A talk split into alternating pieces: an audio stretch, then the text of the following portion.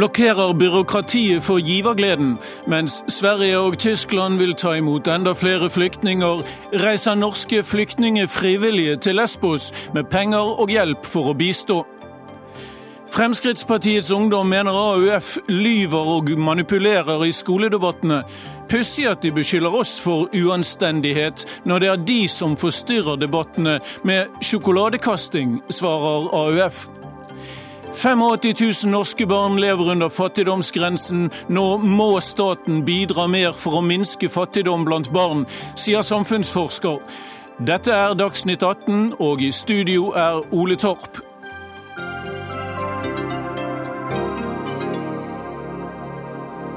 Hør også på påstander i eh, denne sendingen om at kjendiskunstnere blir hypet og overpriset i billedkunstmarkedet. Hvordan kan et Pushwagner-trykk være verd 150 000 kroner, spør kunstkritikeren Lars Elton. Også i dag skal vi først til flyktningsituasjonen. Mennesker på flukt fortsetter å komme hit til landet. Og eh, Frode Forfang, eh, direktør i UDI, velkommen hit til Dagsnytt 18. Hvordan er situasjonen for flyktningene som er kommet hit akkurat nå? Ja, Det er fortsatt en krevende situasjon. Det kommer altså rundt 100 eh, eller i overkant av 100 hver eneste dag.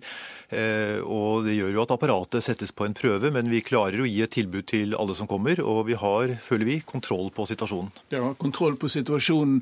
Det har de ikke i Danmark, hvor vi skal nå, hvor det siste døgnet er kommet mange flyktninger gående over grensen fra Tyskland.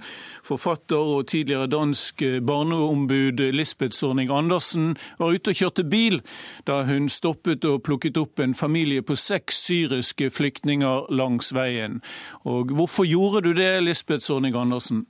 Det gjorde jeg fordi at det var eh, to små barn med på fem år eh, som var meget trette. De hadde reist i 40 øh, dage og, øh, og, var tett på målet. Øh, de ville til Sverige, og jeg hjalp dem noget af veien. Mm. Hvordan hjalp du dem videre? Hvor langt kjørte du da? Jeg kørte ca. 200 km med dem. Mm. Og så var det noen andre der overtog. Der er riktig mange i Danmark som prøver å hjelpe øh, flyktningene. Både med mad og, og vand og transport. selvom vi ikke må det. selvom det er forbudt. Det er forbudt, ja. Eh, fortell meg om denne familien på seks fra Syria. Hvor langt hadde de gått før du fant dem? De hadde gått øh, først langs motorveien mot København, og så var de vendt om fordi de kunne se det var for langt. Og, øh, og da jeg møtte dem, da var de i tvil om de var ved å bli sendt tilbake til Tyskland. Tilbød jeg så at uh, ta dem med videre mot København. Mm. Men sa de til deg hvor langt, hvor mange mil, eller hvor, gjennom hvor mange land de hadde gått på denne måten? Ja, Øh, det gjorde de. Øh, altså, de har både øh, kørt med buss og taget båd og, og tog og gået. Men de startede, altså de, de kom i land i, i Grækenland med, med båd og, og har så brukt forskellige transportmidler. Og de har som sagt vært øh, 40 dage underveis. 40 dager underveis, ja. Mm. Hvordan reagerte denne familien da du plukket dem opp i din bil? Børnene de faldt i søvn med det samme. De var så trætte, så de sov hele veien i bilen. Og, øh, og, familien var meget, meget taknemmelig. Alle var meget trætte, og de hadde ikke noe bagasje. De hadde kun det tøj, øh, de gikk i. Det eneste de hadde øh, i hendene, faktisk, det var legetøj til børnene og, og noen vannflasker. Mm. De hadde ikke engang en pose å ha flaskene i. Jeg skjønner. Hvor sa de hvor de skulle? Hvor de skulle hen? De, ja, de skulle til Malmö og til Helsingborg. Jeg skjønner. Eh, fortell meg mot slutten nå, hva slags reaksjoner har du fått, for dette er jo blitt en offentlig sak i Danmark, hva du har gjort? Men jeg har fått en reaksjon at riktig mange andre øh, er, er kørt av sted deres bil. Jeg har fått mange, mange positive reaksjoner, og så har jeg fått noen meget vrede reaksjoner øh, fra folk som hater øh, muslimer, og som, øh, som, ikke vil ha innvandrere og flyktninger i Danmark. Mm. Fortell meg, Har du faktisk begått en ulovlighet nå i Danmark? Jeg, jeg, ved det ikke riktig. Det der skete, det var jeg, jeg puttet den her familie i bilen mens tre politibetjente kikket på. Øh, og de vendte bare ryggen til og sa ikke noe til meg. Øh, så, så, de fortalte mig ikke at det var ulovlig. Øh, vet, du hvor, uh, vet, du hvor, denne familien er nå? øh, etter, etter at dere byttet sjåfør, Lisbeth Sonning Andersen? De, øh, de skulle være øh, i øh, Helsingborg nå. De, så de er, de er, kommet over til Sverige, tror du? Ja, ja, ja. Vi har, ja, vi har fått beskjed om at de er fremme. Nettopp. Og jeg har tenkt meg å besøke dem. Du har tenkt å besøke dem? Ja, ja. Okay. Lisbeth Sonning Andersen, tusen takk for at du kunne være med i Dagsnytt 18 nå i kveld. Vi skal fortsette å snakke om flyktningsituasjonen som nå altså er kommet til Norden her i Dagsnytt 18. Takk skal du ha. Ehm, vi har med oss Øyvind Nyborg, som er utenriksmedarbeider i NRK og eh, på plass i eh, Rødby i Danmark. Eh, Øyvind, kan du si noe om hvordan situasjonen er der nå?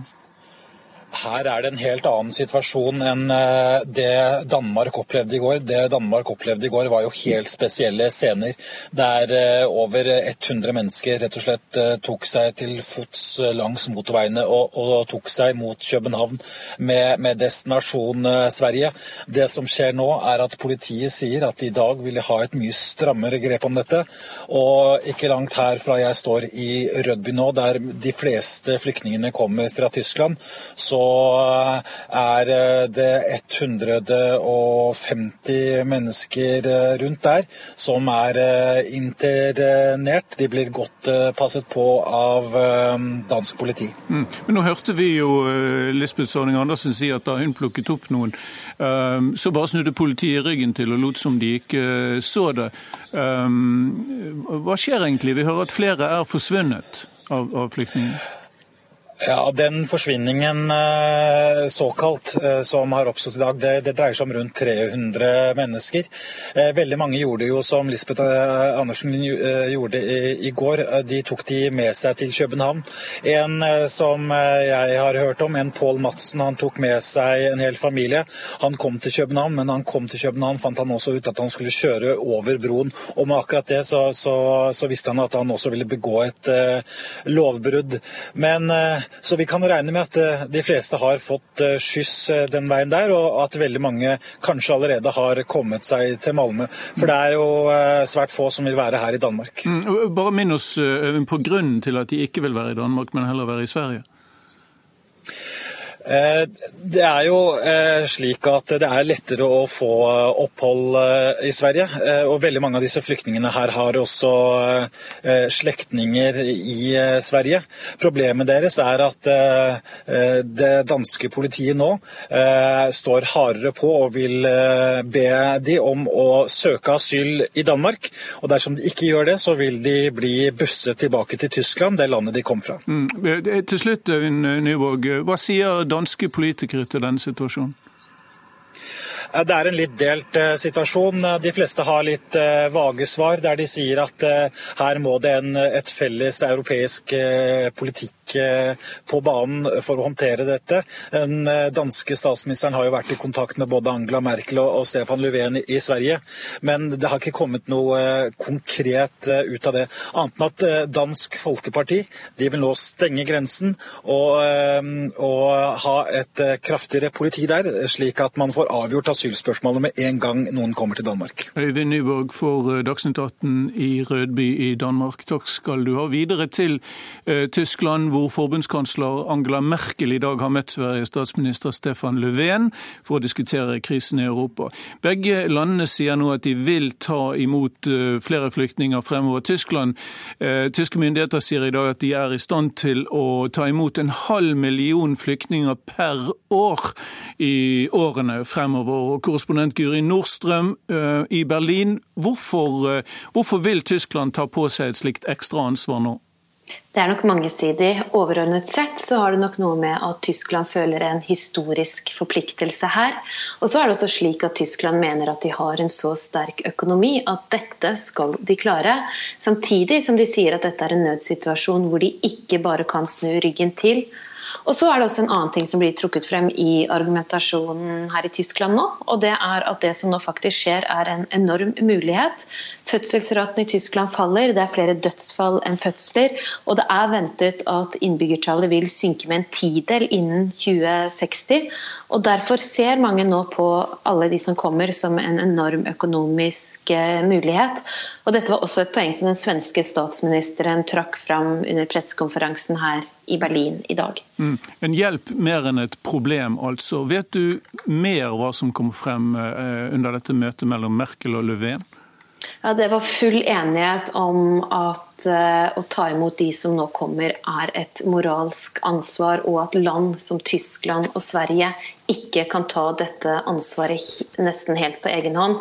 De oppfordrer rett og slett flere land til å ta tak og sier de støtter dette kvoteforslaget som EU-kommisjonen skal legge frem i morgen, der EU-kommisjonens president Jean-Claude Juncker skal legge frem forslag om fordeling av 120 000 asylsøkere på de ulike europeiske landene. Mm. Takk skal du ha, Guri Nordstrøm, NRKs korrespondent i Berlin, der for uh, Dagsnytt 18. Eh, her hjemme ble i dag nettsiden tilfluktshjem.no lansert. Den er et eh, samarbeid mellom stiftelsen bidra.no og avisen Vårt Land, og skal være en arena for å organisere dem som kan hjelpe til med å bosette flyktninger som nå kommer hit. Og Helge Simon er sjefredaktør i Vårt Land. Hvorfor gjør dere dette? Vi er eh, imponert over det, det barmhjertighetsengasjementet som går over det norske land nå. Og vi ser at det var et betydelig behov for å, å finne steder der du kunne kanalisere der du ønsker å gjøre hjelp. Og det mm. viser seg at eh, bare i løpet av kort tid så har eh, vi fått registrert over 1000 senger eh, fra folk som ønsker å ta imot flyktninger. Det er 400 husstander som har meldt seg allerede.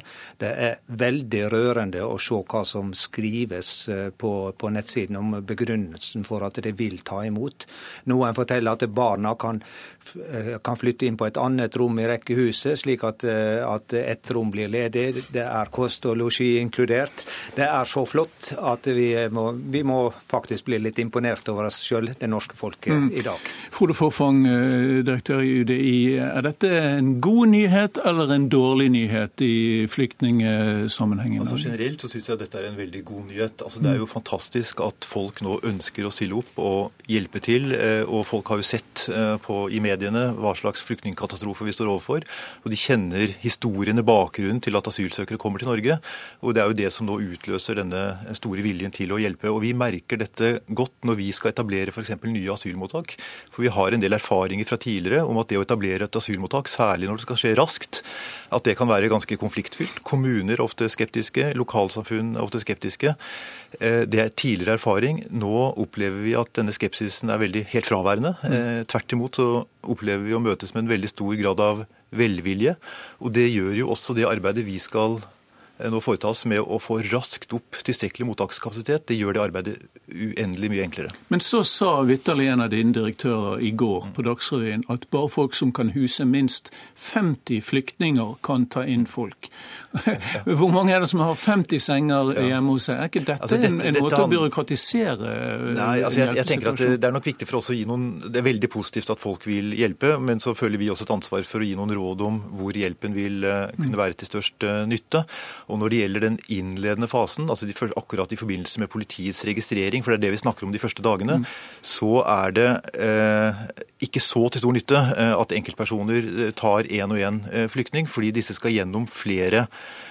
prosesser de første dagene. De skal registreres hos politiet, de skal gjennom helseundersøkelse, informasjonsprogram. Disse skal bringes frem og tilbake. Folk som ligger på gaten utenfor Nei, det er, mottaket på Tøyen? De gjør ikke det lenger. slik at uh, fra og med nå helgen så får alle som kommer til, til Tøyen eller til politiets utlendingssett, de får et overnattingstilbud. Og vi har nå kontroll på denne situasjonen, slik at det er ingen som nå skal behøve å ligge på gaten når de kommer til Norge. Så, så, de får et tilbud. Ja. Hotelldirektør Petter Stordalen tilbyr i dag 5000 gjestedøgn på sine hoteller, men dere sier ikke ja til det heller? Hvorfor? Jo da, vi sier ja til det, eh, som en buffer. Slik som en buffer, at, som en buffer. Som... Nei, fordi at vi har også andre løsninger enn den løsningen, slik at vi bruker andre løsninger først, og så er det en løsning som er en buffer dersom andre løsninger ikke skulle være tilstrekkelig. Fordi nå kommer det 100 asylsøkere sånn rundt det om dagen. Døgn, ja. Eh, men plutselig kan det komme 200 eller det komme 300. Vi må ha en beredskap for at situasjonen kan endre seg og bli enda mer krevende. Og, og Derfor så har vi ulike løsninger som skal også ta høyde for en sånn situasjon. Eh, så vi må ta i bruk de virkemidlene som er nødvendige.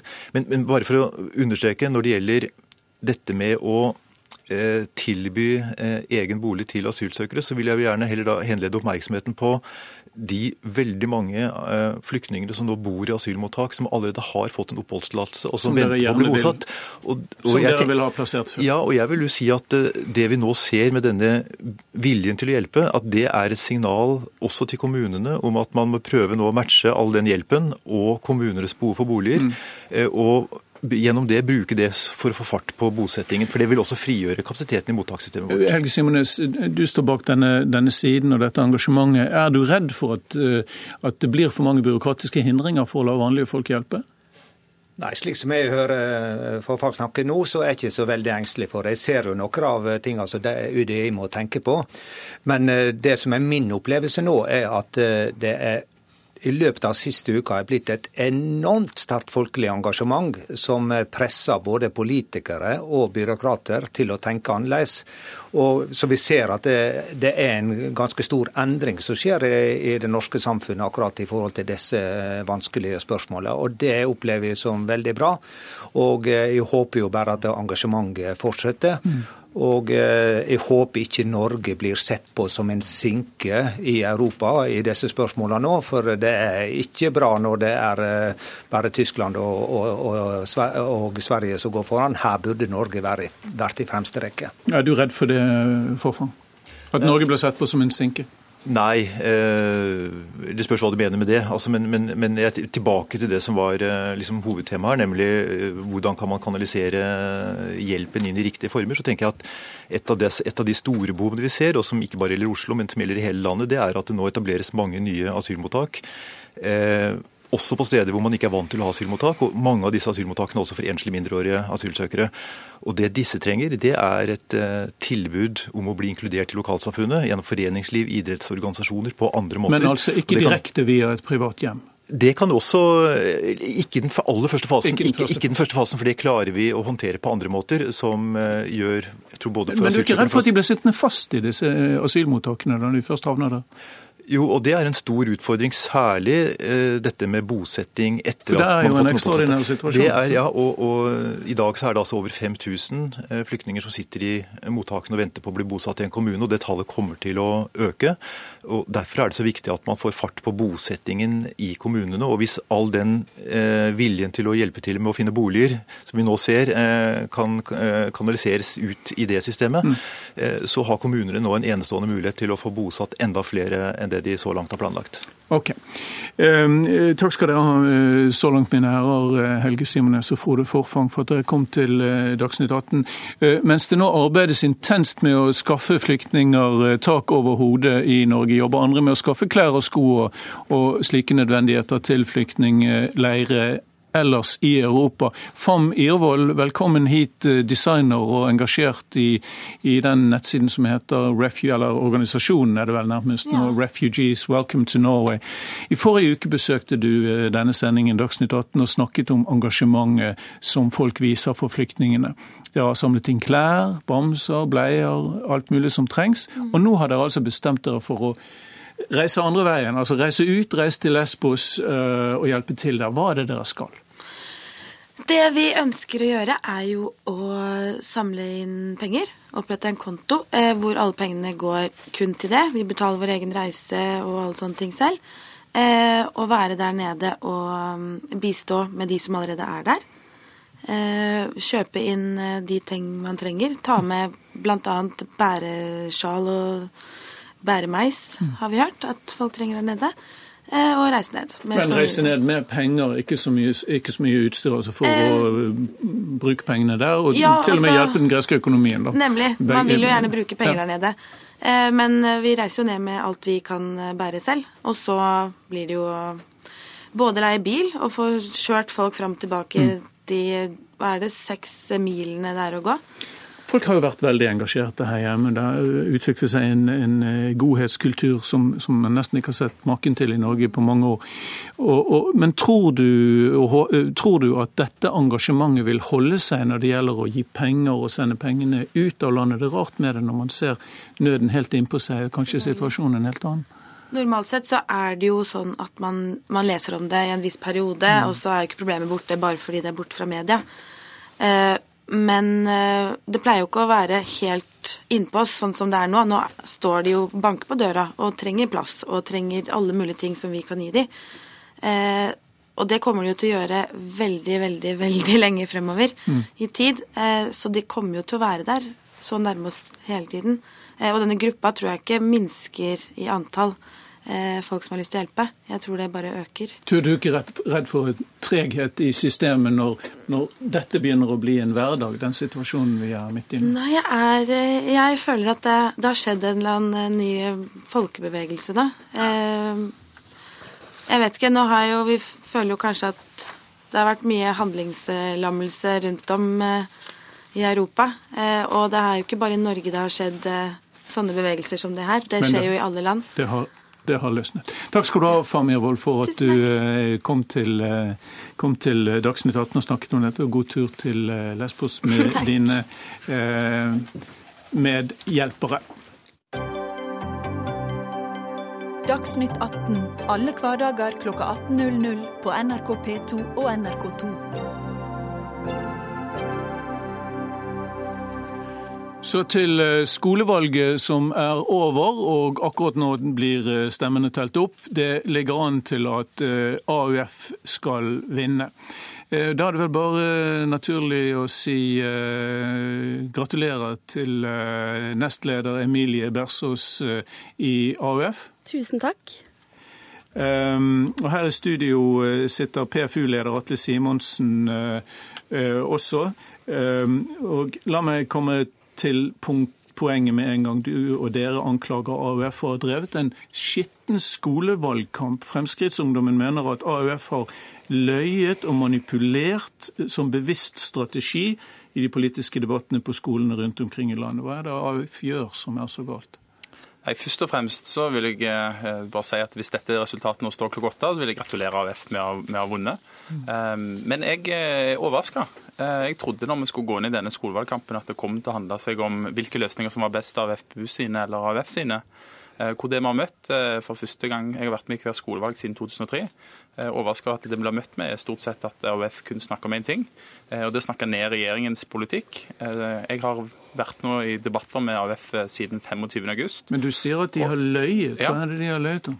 Nei, jeg, jeg bare sier det først at jeg har vært i valgkamp og debatter med AUF siden 25.8, og jeg vet fremdeles ikke hva som er deres viktigste valgkampsaker, og hva som er deres løsning hva de ønsker å gjøre. Mm. Men de kommer ikke bare med at de tolker politikken vår i verste mening, men de kommer med regelrett løgn. Eh, og det går helt til topps i AUF. Manu Mani Hussaini sier bl.a. at vi vil at det skal være 30 egenkapitalkrav for å kjøpe bolig. Sannheten er at vi har senka det til 10% Han sier at det er Arbeiderpartiet som står bak forslag om å, om å, om å Eh, foreslå mer hjelp til nærområdene i Syria, når det var Fremskrittspartiet sitt forslag. Eh, og så kommer det helt absurde påstander som at vi er mot abort, at vi ønsker at det skal koste 100 000 kroner å gå på skole. Og Bersås sjøl sier at eh, la oss, det, la oss, ta det, siste og spørre Emilie Bersås om det. Altså, dere skal ha sagt i skoledebatter at, at FPU er imot abort og kvinners rettigheter.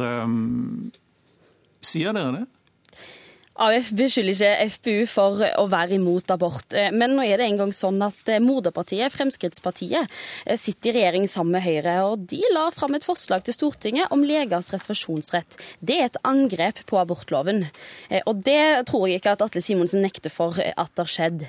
Og så må jeg jo si at det er ganske spesielt at FPU skal beskylde AUF for å drive med uanstendighet i skoledebattene, når det er FPU som spiller bingo med godteri, holder opp lapper mens debattantene fra venstresida snakker. Mm. Vi har snakket om eh, løft i skolehelsetjenesten, flere lærere og en bedre framtid for ungdom.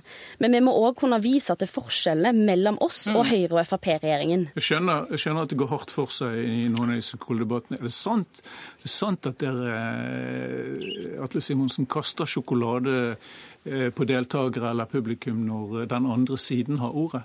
Nei, Det som hadde skjedd, var at eh, det var en plass de hadde hatt et eh, Frp-bingo. For hver gang AUF snakker om Frp sin politikk framfor sin egen, så satte folk en strek, og så var det noen som fikk bingo til slutt. Men det jeg heller ønsker... Men kastet de sjokolade, spurte jeg om? Ja, de, kasta ut en, en, sjokolade til de som fikk bingo på første år. Er, er det en anerkjent debatteknikk? Ja, Det er ikke noe nytt verken fra AUF eller FPU. Men, men, det jeg vil, vil si, da, det er at eh, Bersås sjøl sier i debatt som jeg har møtt henne i, at f.eks. Eh, Frp ønsker å ta fra lærlinger alle sosiale rettigheter.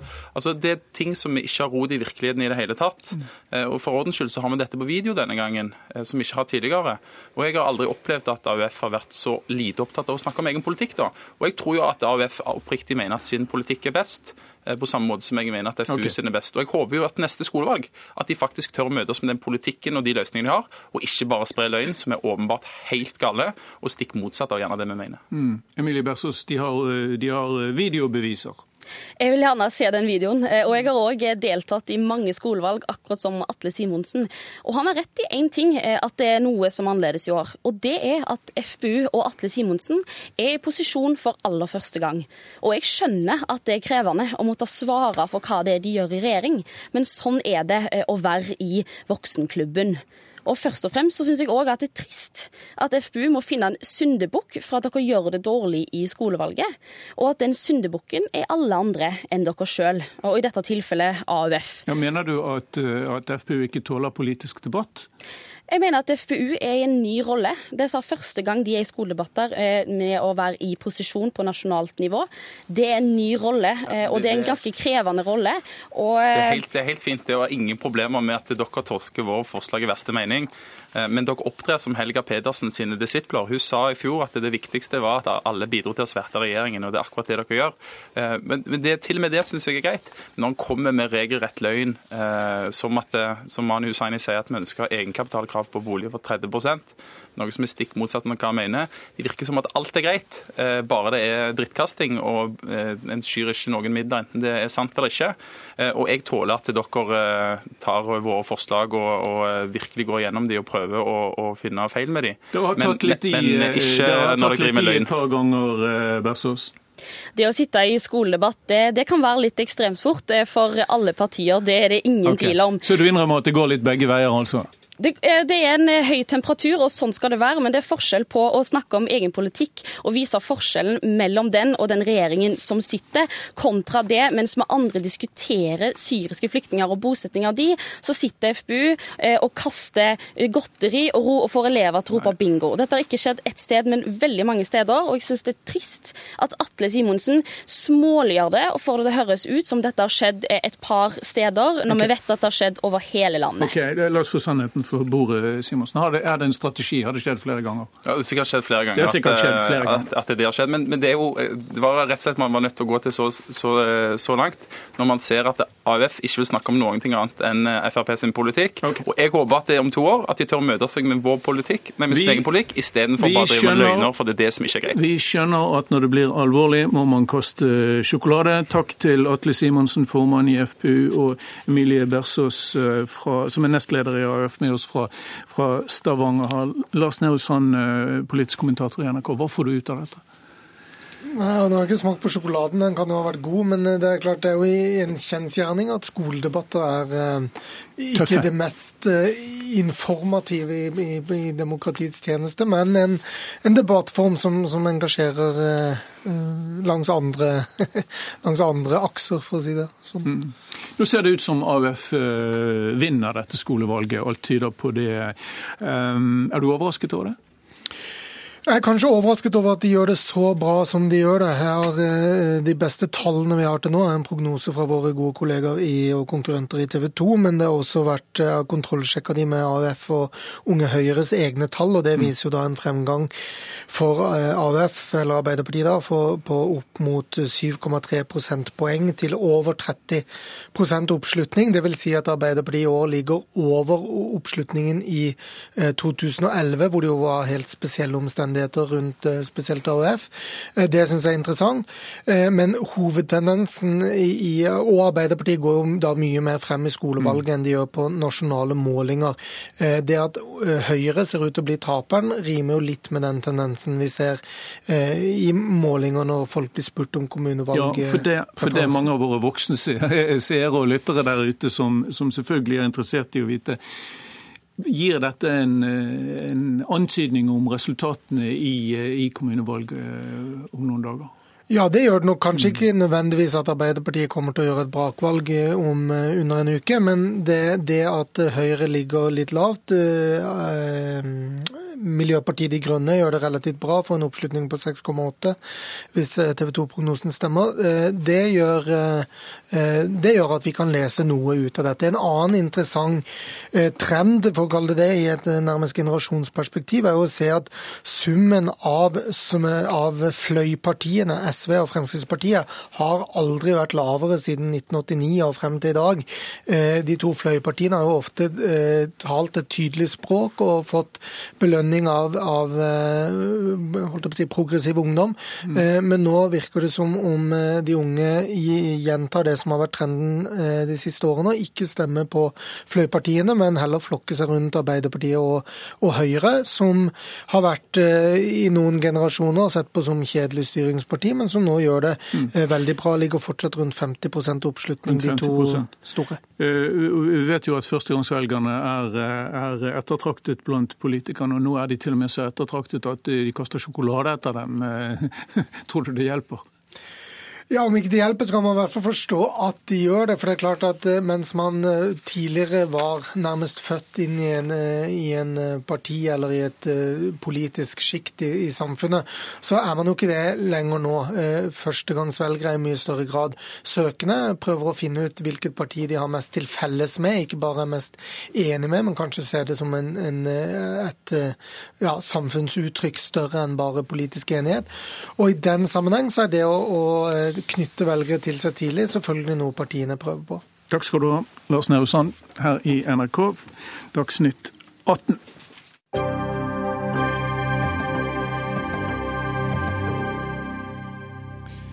Fattigdommen øker blant norske barn. I dag er det ca. 85 000 av dem som lever under fattigdomsgrensen, og nå oppfordrer en forsker norske ordførere til et slags fattigdomsopprør.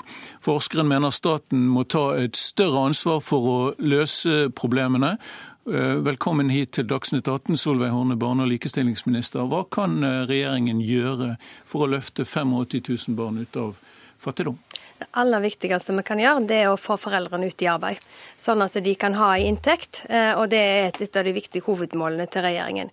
Så må vi ta grep for å avdempe, hjelpe de barn og unge som lever i de fattige familiene, og passe på at vi ikke den fattigdommen går i arv. Og nå i mai så lanserte regjeringen for første gang, eh, sammen med Venstre og KrF, en eh, strategi eh, mot barnefattigdom som går på både forebygging, arbeid, det går på utdanning, det går på samspillet mellom kommunene, frivilligheten og staten, for å for, for forhindre at fattigdom går i arv. Mm. Lang liste. Jeg skal snakke litt med Karin Gustavsen, som er den samfunnsforskeren vi har snakket om. Hallo, Karin Gustavsen. Ja, hallo. Det er, det er, du som har skrevet denne kronikken på Ytring her i NRK, som det ble vist til innledningsvis. Du sier at staten må sterkere inn. Hvorfor og på hvilken måte mener du det? Eh, over mange år har jo staten kritisert kommunene, og nå blir også Nav kritisert for å gjøre for lite for fattigdomsbekjempelse.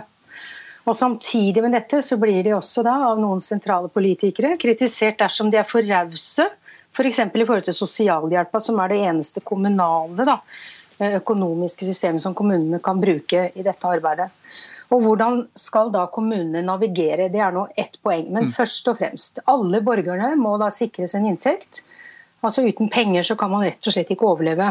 Det er altså en grunnleggende rettighet som etter mitt syn fordrer statlig grep som både sikrer likhet mellom kommuner og forutsigbarhet for det enkelte hushold. Mm. Og Det vil også antagelig bety en betydelig avbyråkratisering sammenlignet med dagens system.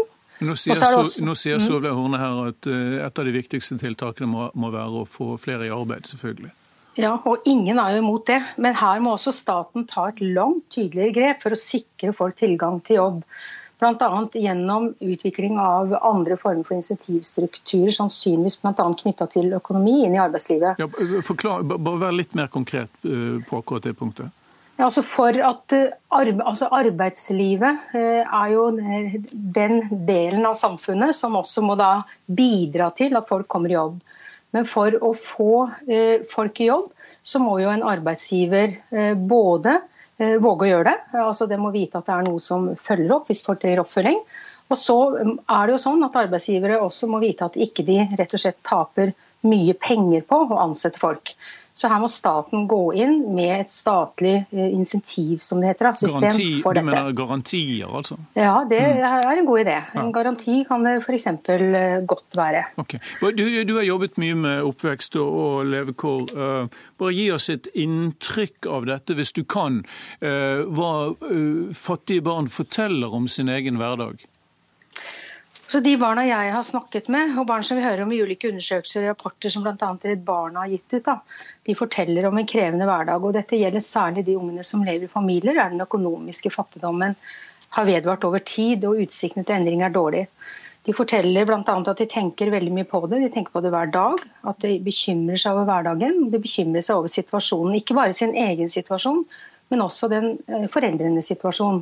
Og Dette begynner de med ganske tidlig. Og Vi har snakket med unger helt ned til ni år som forteller at de bl.a. bekymrer seg for, for bursdager da, som skal være et halvt år frem i tid.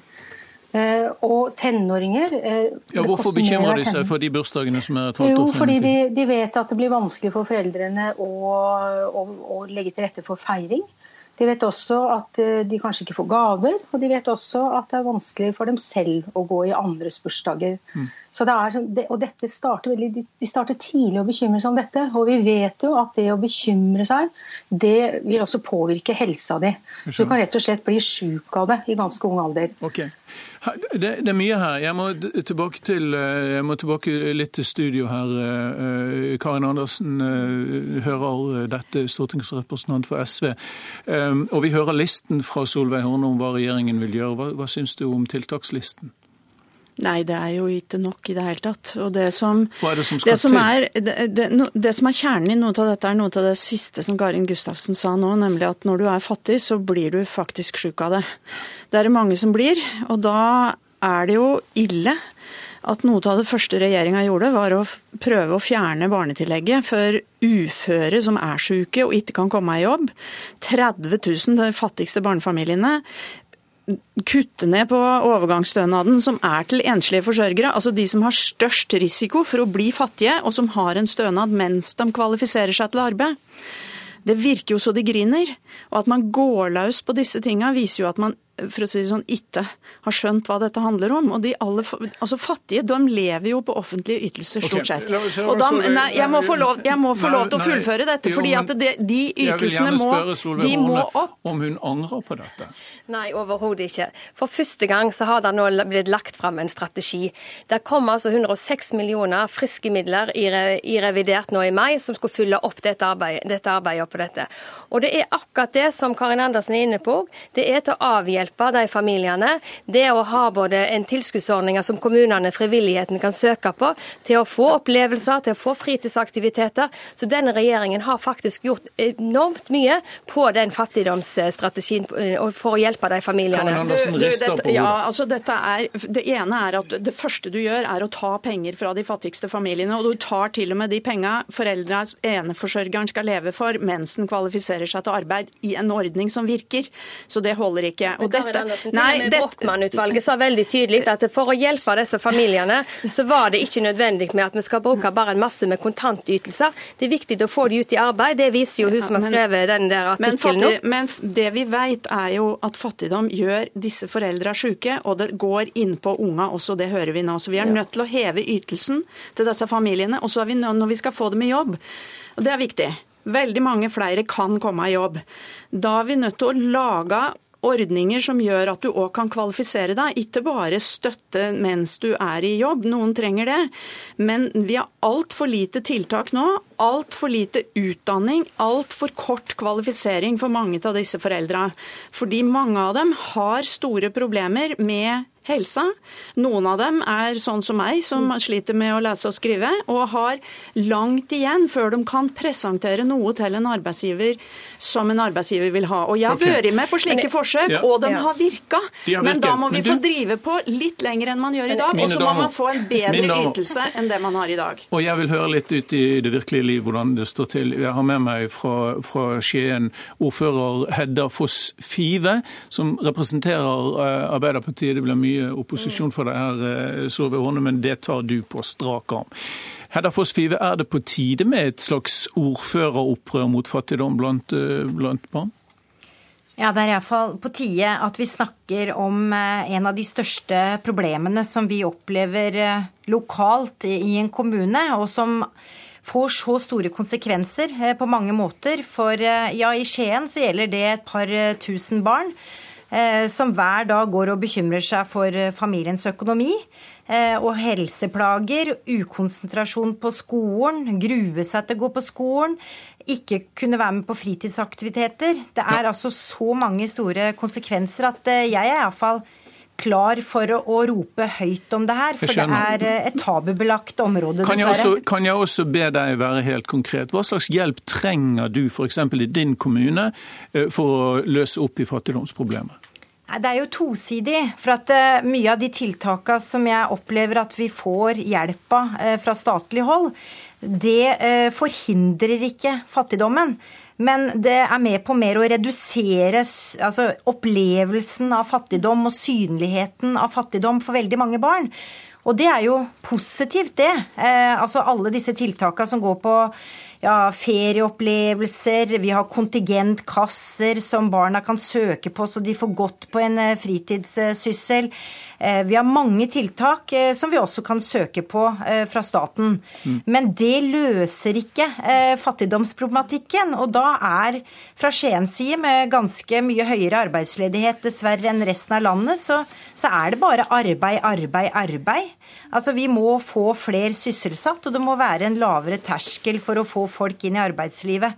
Men det må jeg tror vi, jeg tror vi stopper der for Skien, for vi må være veldig konkret. Tiden flyr i så hyggelig selskap selskap. Solveig Horne er enig, men, men, uenig. Nei, Det er viktigste vi kan gjøre, er at foreldrene kommer ut i arbeid. Og det, Når vi ser på de tallene bak de fattigdomstallene her nå, så er vel den største hoveddelen er altså innvandrersbefolkningen.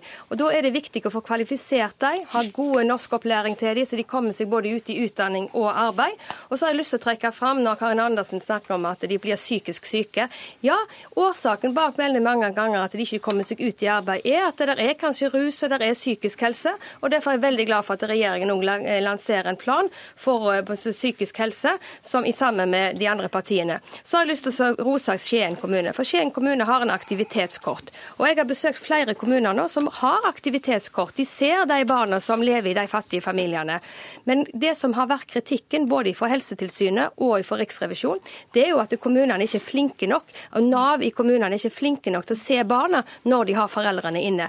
Og det er jeg veldig glad for at regjeringen nå tar tak i. Lager kartleggingsverktøy som kommunene kan bruke for å se dette. Ja, disse, disse tiltakene for at ungene skal ha det bedre i hverdagen når foreldre er fattige, det er vel og bra. Og det, Vi støtter det. Det har vi støtta hele tida. Men problemet her er at man ikke gjør nok for at folk skal kunne komme i arbeid. Og, og, det, og, det, er også et problem. Liksom, derfor hadde jeg lyst til å spørre, jeg hadde lyst til å spørre ordføreren i er det, ja. er det plutselig kommet som en overraskelse, denne fattigdommen, etter at, etter at dere satt ved roret i åtte år? Overhodet ikke. Altså Disse rapportene som kommer nå, som bl.a. viser at Nav eh, kommune, altså sosialkontoret, ikke snakker med unga, de har kommet før. Det har også kommet rapporter før Så da som har sagt kunne det kanskje vært gjort med noe jo, mer tidligere det har. Det har vi og SV jobba intenst med, men det har jo vært ganske stor motstand, i hvert fall mot å løfte disse ytelsene og gjøre det som er nødvendig. Og det er jo bl.a. å heve ytelsene barnetrygden for enslige forsørgere og for de som har flere barn, og så tette det fæle hølet som er når du får barnetrygd, så er det jo slik at de som går på sosialhjelp i mange kommuner, mister de penga. Og det hølet må tettes, for der tar vi altså 300 millioner kroner hvert år fra de fattigste barnefamiliene. Det er klart det, vi, det, det viser seg på statistikken. Nå har eh, Fremskrittspartiet vært veldig tydelig på at vi ønsker å øke eh, barnetrygda. Det har vi ikke fått flertall for. Det hører jeg nå at SV tar til orde for. Men de grepene regjeringen òg tar med å innføre gratis eh, kjernetid for alle under en lav inntekt, det å redusere foreldrebetalingene er viktig, og det er òg å styrke utleieordningen. Så regjeringen tar grep både for å sikre at foreldrene kommer i arbeid, og med å hjelpe de barna å avdempe den situasjonen de er i, og ikke minst å forhindre at fattigdom okay. går i arv. Okay. Det er masse å ta tak i her, det kan jeg høre. Eh, takk skal dere ha begge to, statsråd Solveig Horne fra Fremskrittspartiet og Karin Andersen, stortingsrepresentant fra SV.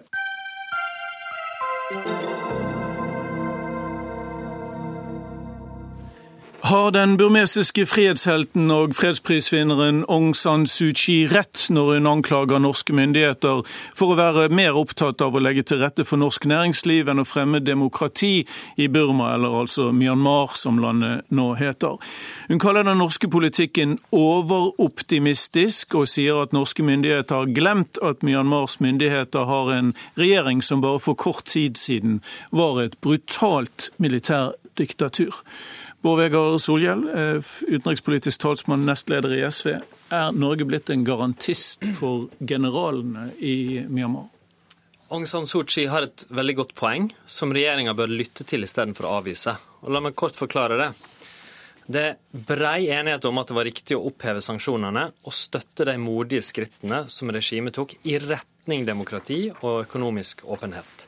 Eh, men eh, der vi er nå, så er jo det at å ta det første skrittet, få investeringer, få eh, besøk av utenlandske statsledere, kanskje til og med få økt verdien av sine eiendommer i landet, det er ofte et lett skritt. Det vanskelige skrittet det er jo når man må begynne å åpne for konkurranse om hvem som skal styre landet.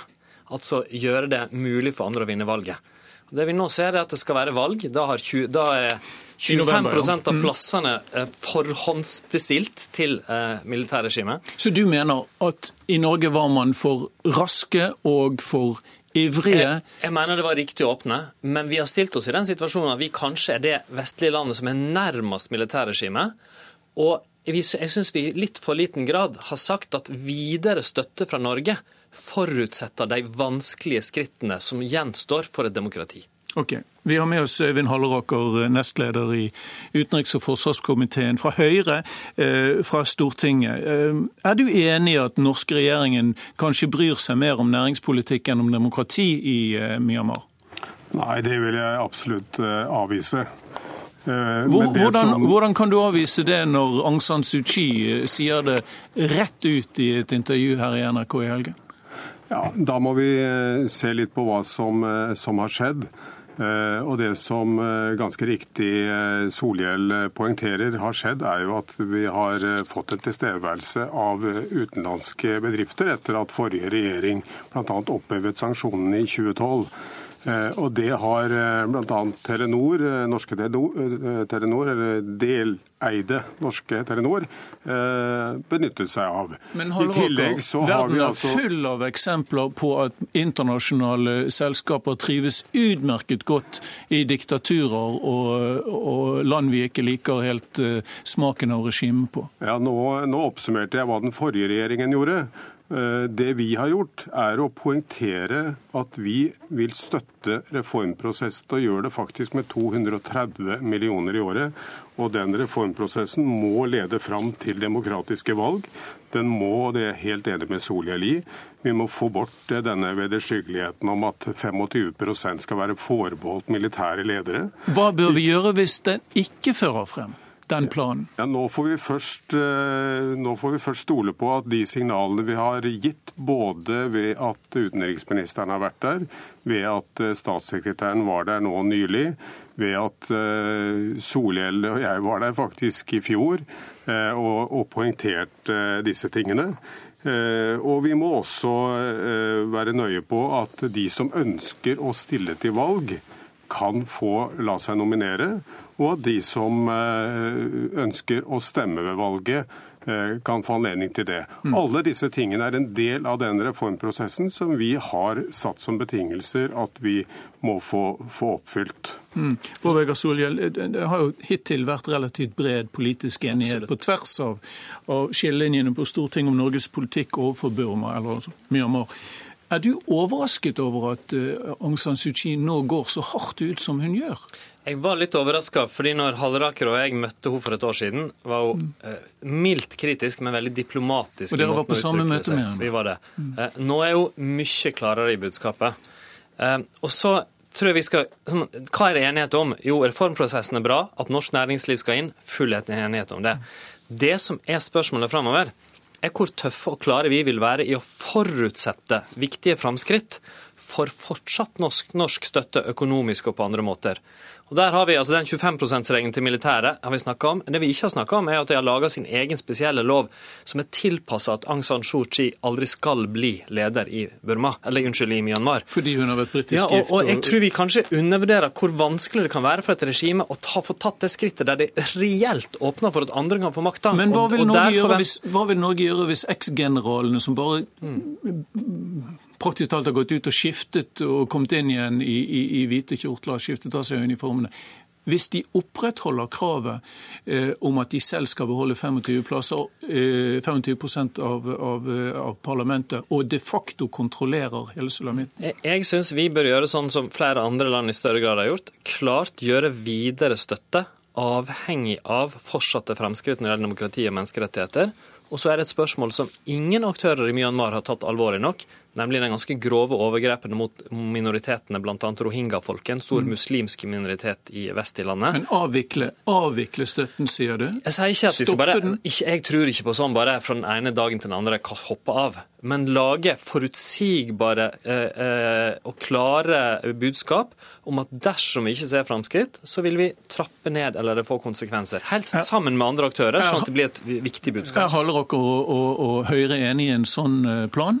Langt på vei så, så tror jeg vi må, vi må, se i denne retningen. Men i forhold til eh, Rahinga-folket så, så, kan vi også eh, nevne at de eh, er i ferd med å bli isolert av eh, myndighetene fra å både få stille til valg og faktisk også få lov å velge. 500 000 av de har fått Eh, beskjed om at de ikke får, får, stemme.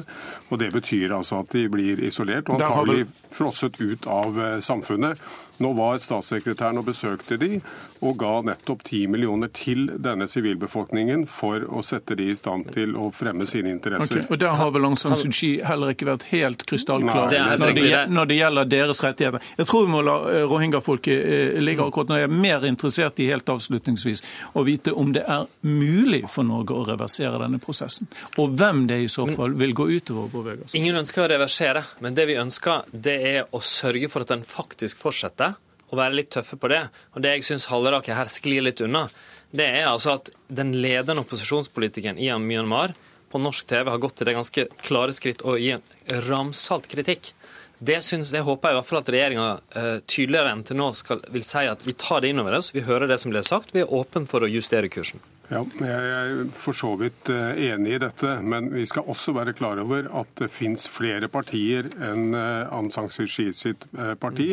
Og når hun går ut og ber norske myndigheter ta, ta, avstand fra lovlige partier som er i konkurranse med henne, så kan vi ikke det. Det vi må holde fast på og fokusere på, det er selve demokratiseringsprosessen. Det skjønner jeg. Men Halleraker og, og, og Solhjell her, Det er ingen tvil om at det er The National League for Democracy som har vært det demokratibyggende forsøksvis eh, partiet i, i Burma de siste 40 år. Det er riktig, og hun er fortsatt en svært viktig person i politikken der. Det er nok et veldig dramatisk skritt, tror jeg. Et stort skritt for henne å gjøre det, med så nært forhold hun har hatt til Norge over tid. Og vi bør ta det inn over oss. Det er ingen automatikk i at vi skal gjøre som hun sier, men her er det helt åpenbart at vi har en jobb å gjøre videre. En jobb å gjøre. Bård Vegar Solhjell fra SV, Øyvind Halleraker fra Høyre, takk for at dere kom til Dagsnytt 18 i kveld. Hør Dagsnytt 18 når du vil.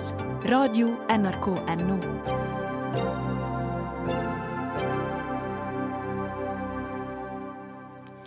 For å oppnå suksess som kunstner må du være kjendis, og da snakker vi om kommersiell suksess. Kunstmarkedet preges nå mer og mer av medienes kjendisdyrking, mener kunstkritikeren Lars Elton, som skrev omfattende om dette i Dagsavisen i helgen. Det er særlig Pushwagner som får kritikk. Han selger for millioner for sine, til, eh, på sine hittil syv jubileumsutstillinger i år. Velkommen hit, Lars Elton. Er det kunstinteresserte publikum lettlurt? Det kan virke sånn. Enkelt og greit. Ja, På hvilken måte da? Nei, altså, Prisene på Pushwagner de er dyttet i været på en, på en måte som er aldeles kunstig. Eh, Ferdinand Finne var en like folkekjær kunstner i sin tid. Han døde nyttårsaften 1999. Og han ønsket at flest mulig skulle ha råd til å kjøpe kunsten hans, og han holdt moderate priser. De prisene, Han var kjempepopulær, omsatte for millioner, han også. Men eh, da han døde, så, så, gikk bunnen ut av markedet, og eh, prisene de falt. Og et, i ettertid så har de holdt seg lave, og til, til dels kommet opp på det samme nivået som, mm. som han hadde da han uh, gikk ut av verden. Så du mener at et grafisk blad av Pushwagner ikke kan være verdt 150 000 kroner? Absolutt ikke. Absolutt ikke. Eh, Tommy Sørbø, kunsthistoriker. Eh, kan et grafisk blad av en kunstner som, eh, som Push Wagner være verd 150 000? Tydeligvis. Når noen er villig til å gi 150 000 for det, så er det verdt 150 000 i en, kroner og øre. Du kan få en Munch for det? Eh, ja, men eh, den, jeg trodde ikke jeg skulle høre meg selv si det, men eh, markedet bestemmer når det gjelder pris. Men det er en annen dimensjon som, eh, som eh, Elton glemmer her, og det er også den kunstneriske kvaliteten. Noen ganger så går faktisk kunstnerisk kvalitet og pris sammen. Og det mener jeg gjelder i tilfelle Porschwagner. Å sammenligne ham med Ferdinand Finne, det Mener du virkelig at Ferdinand Finne er en like stor kunstner som Porschwagner, når du ser på kunsten? Nei, det mener jeg ikke. Nei. Men er han en interessant kunstner? Han er en interessant kunstner, absolutt. Og han vil bli stående, tror jeg, i historien. Og i den grad det er noe feil med prisene, så vil jeg heller si at det er underpriset. I hvert fall hvis man skal gå etter kvalitet. Men et, Elton skrev i Dagsavisen at det fantes noen malerier til halvannen million av Pushwagner. Ja, Det er jo tydelig at noen liker Porsche-Wagner. og det, det, jeg syns eh, er litt eh, betegnende, er at mange kritikere de tenker at folk kjøper kunst fordi det skal være en investering. Noe man skal ha i eh, for å selge videre med fortjeneste. Men det kunne jo også være noen som kjøper kunst, faktisk synes det er vakkert. De får erkjennelse, kunnskap og innsikt ved å ha det hengende på veggen. I Porswagners tilfelle tror jeg man får begge deler. Mm, men dette er kunstner som blir jeg håper å si, pushet veldig hardt. Det er alltid mye oppstyr.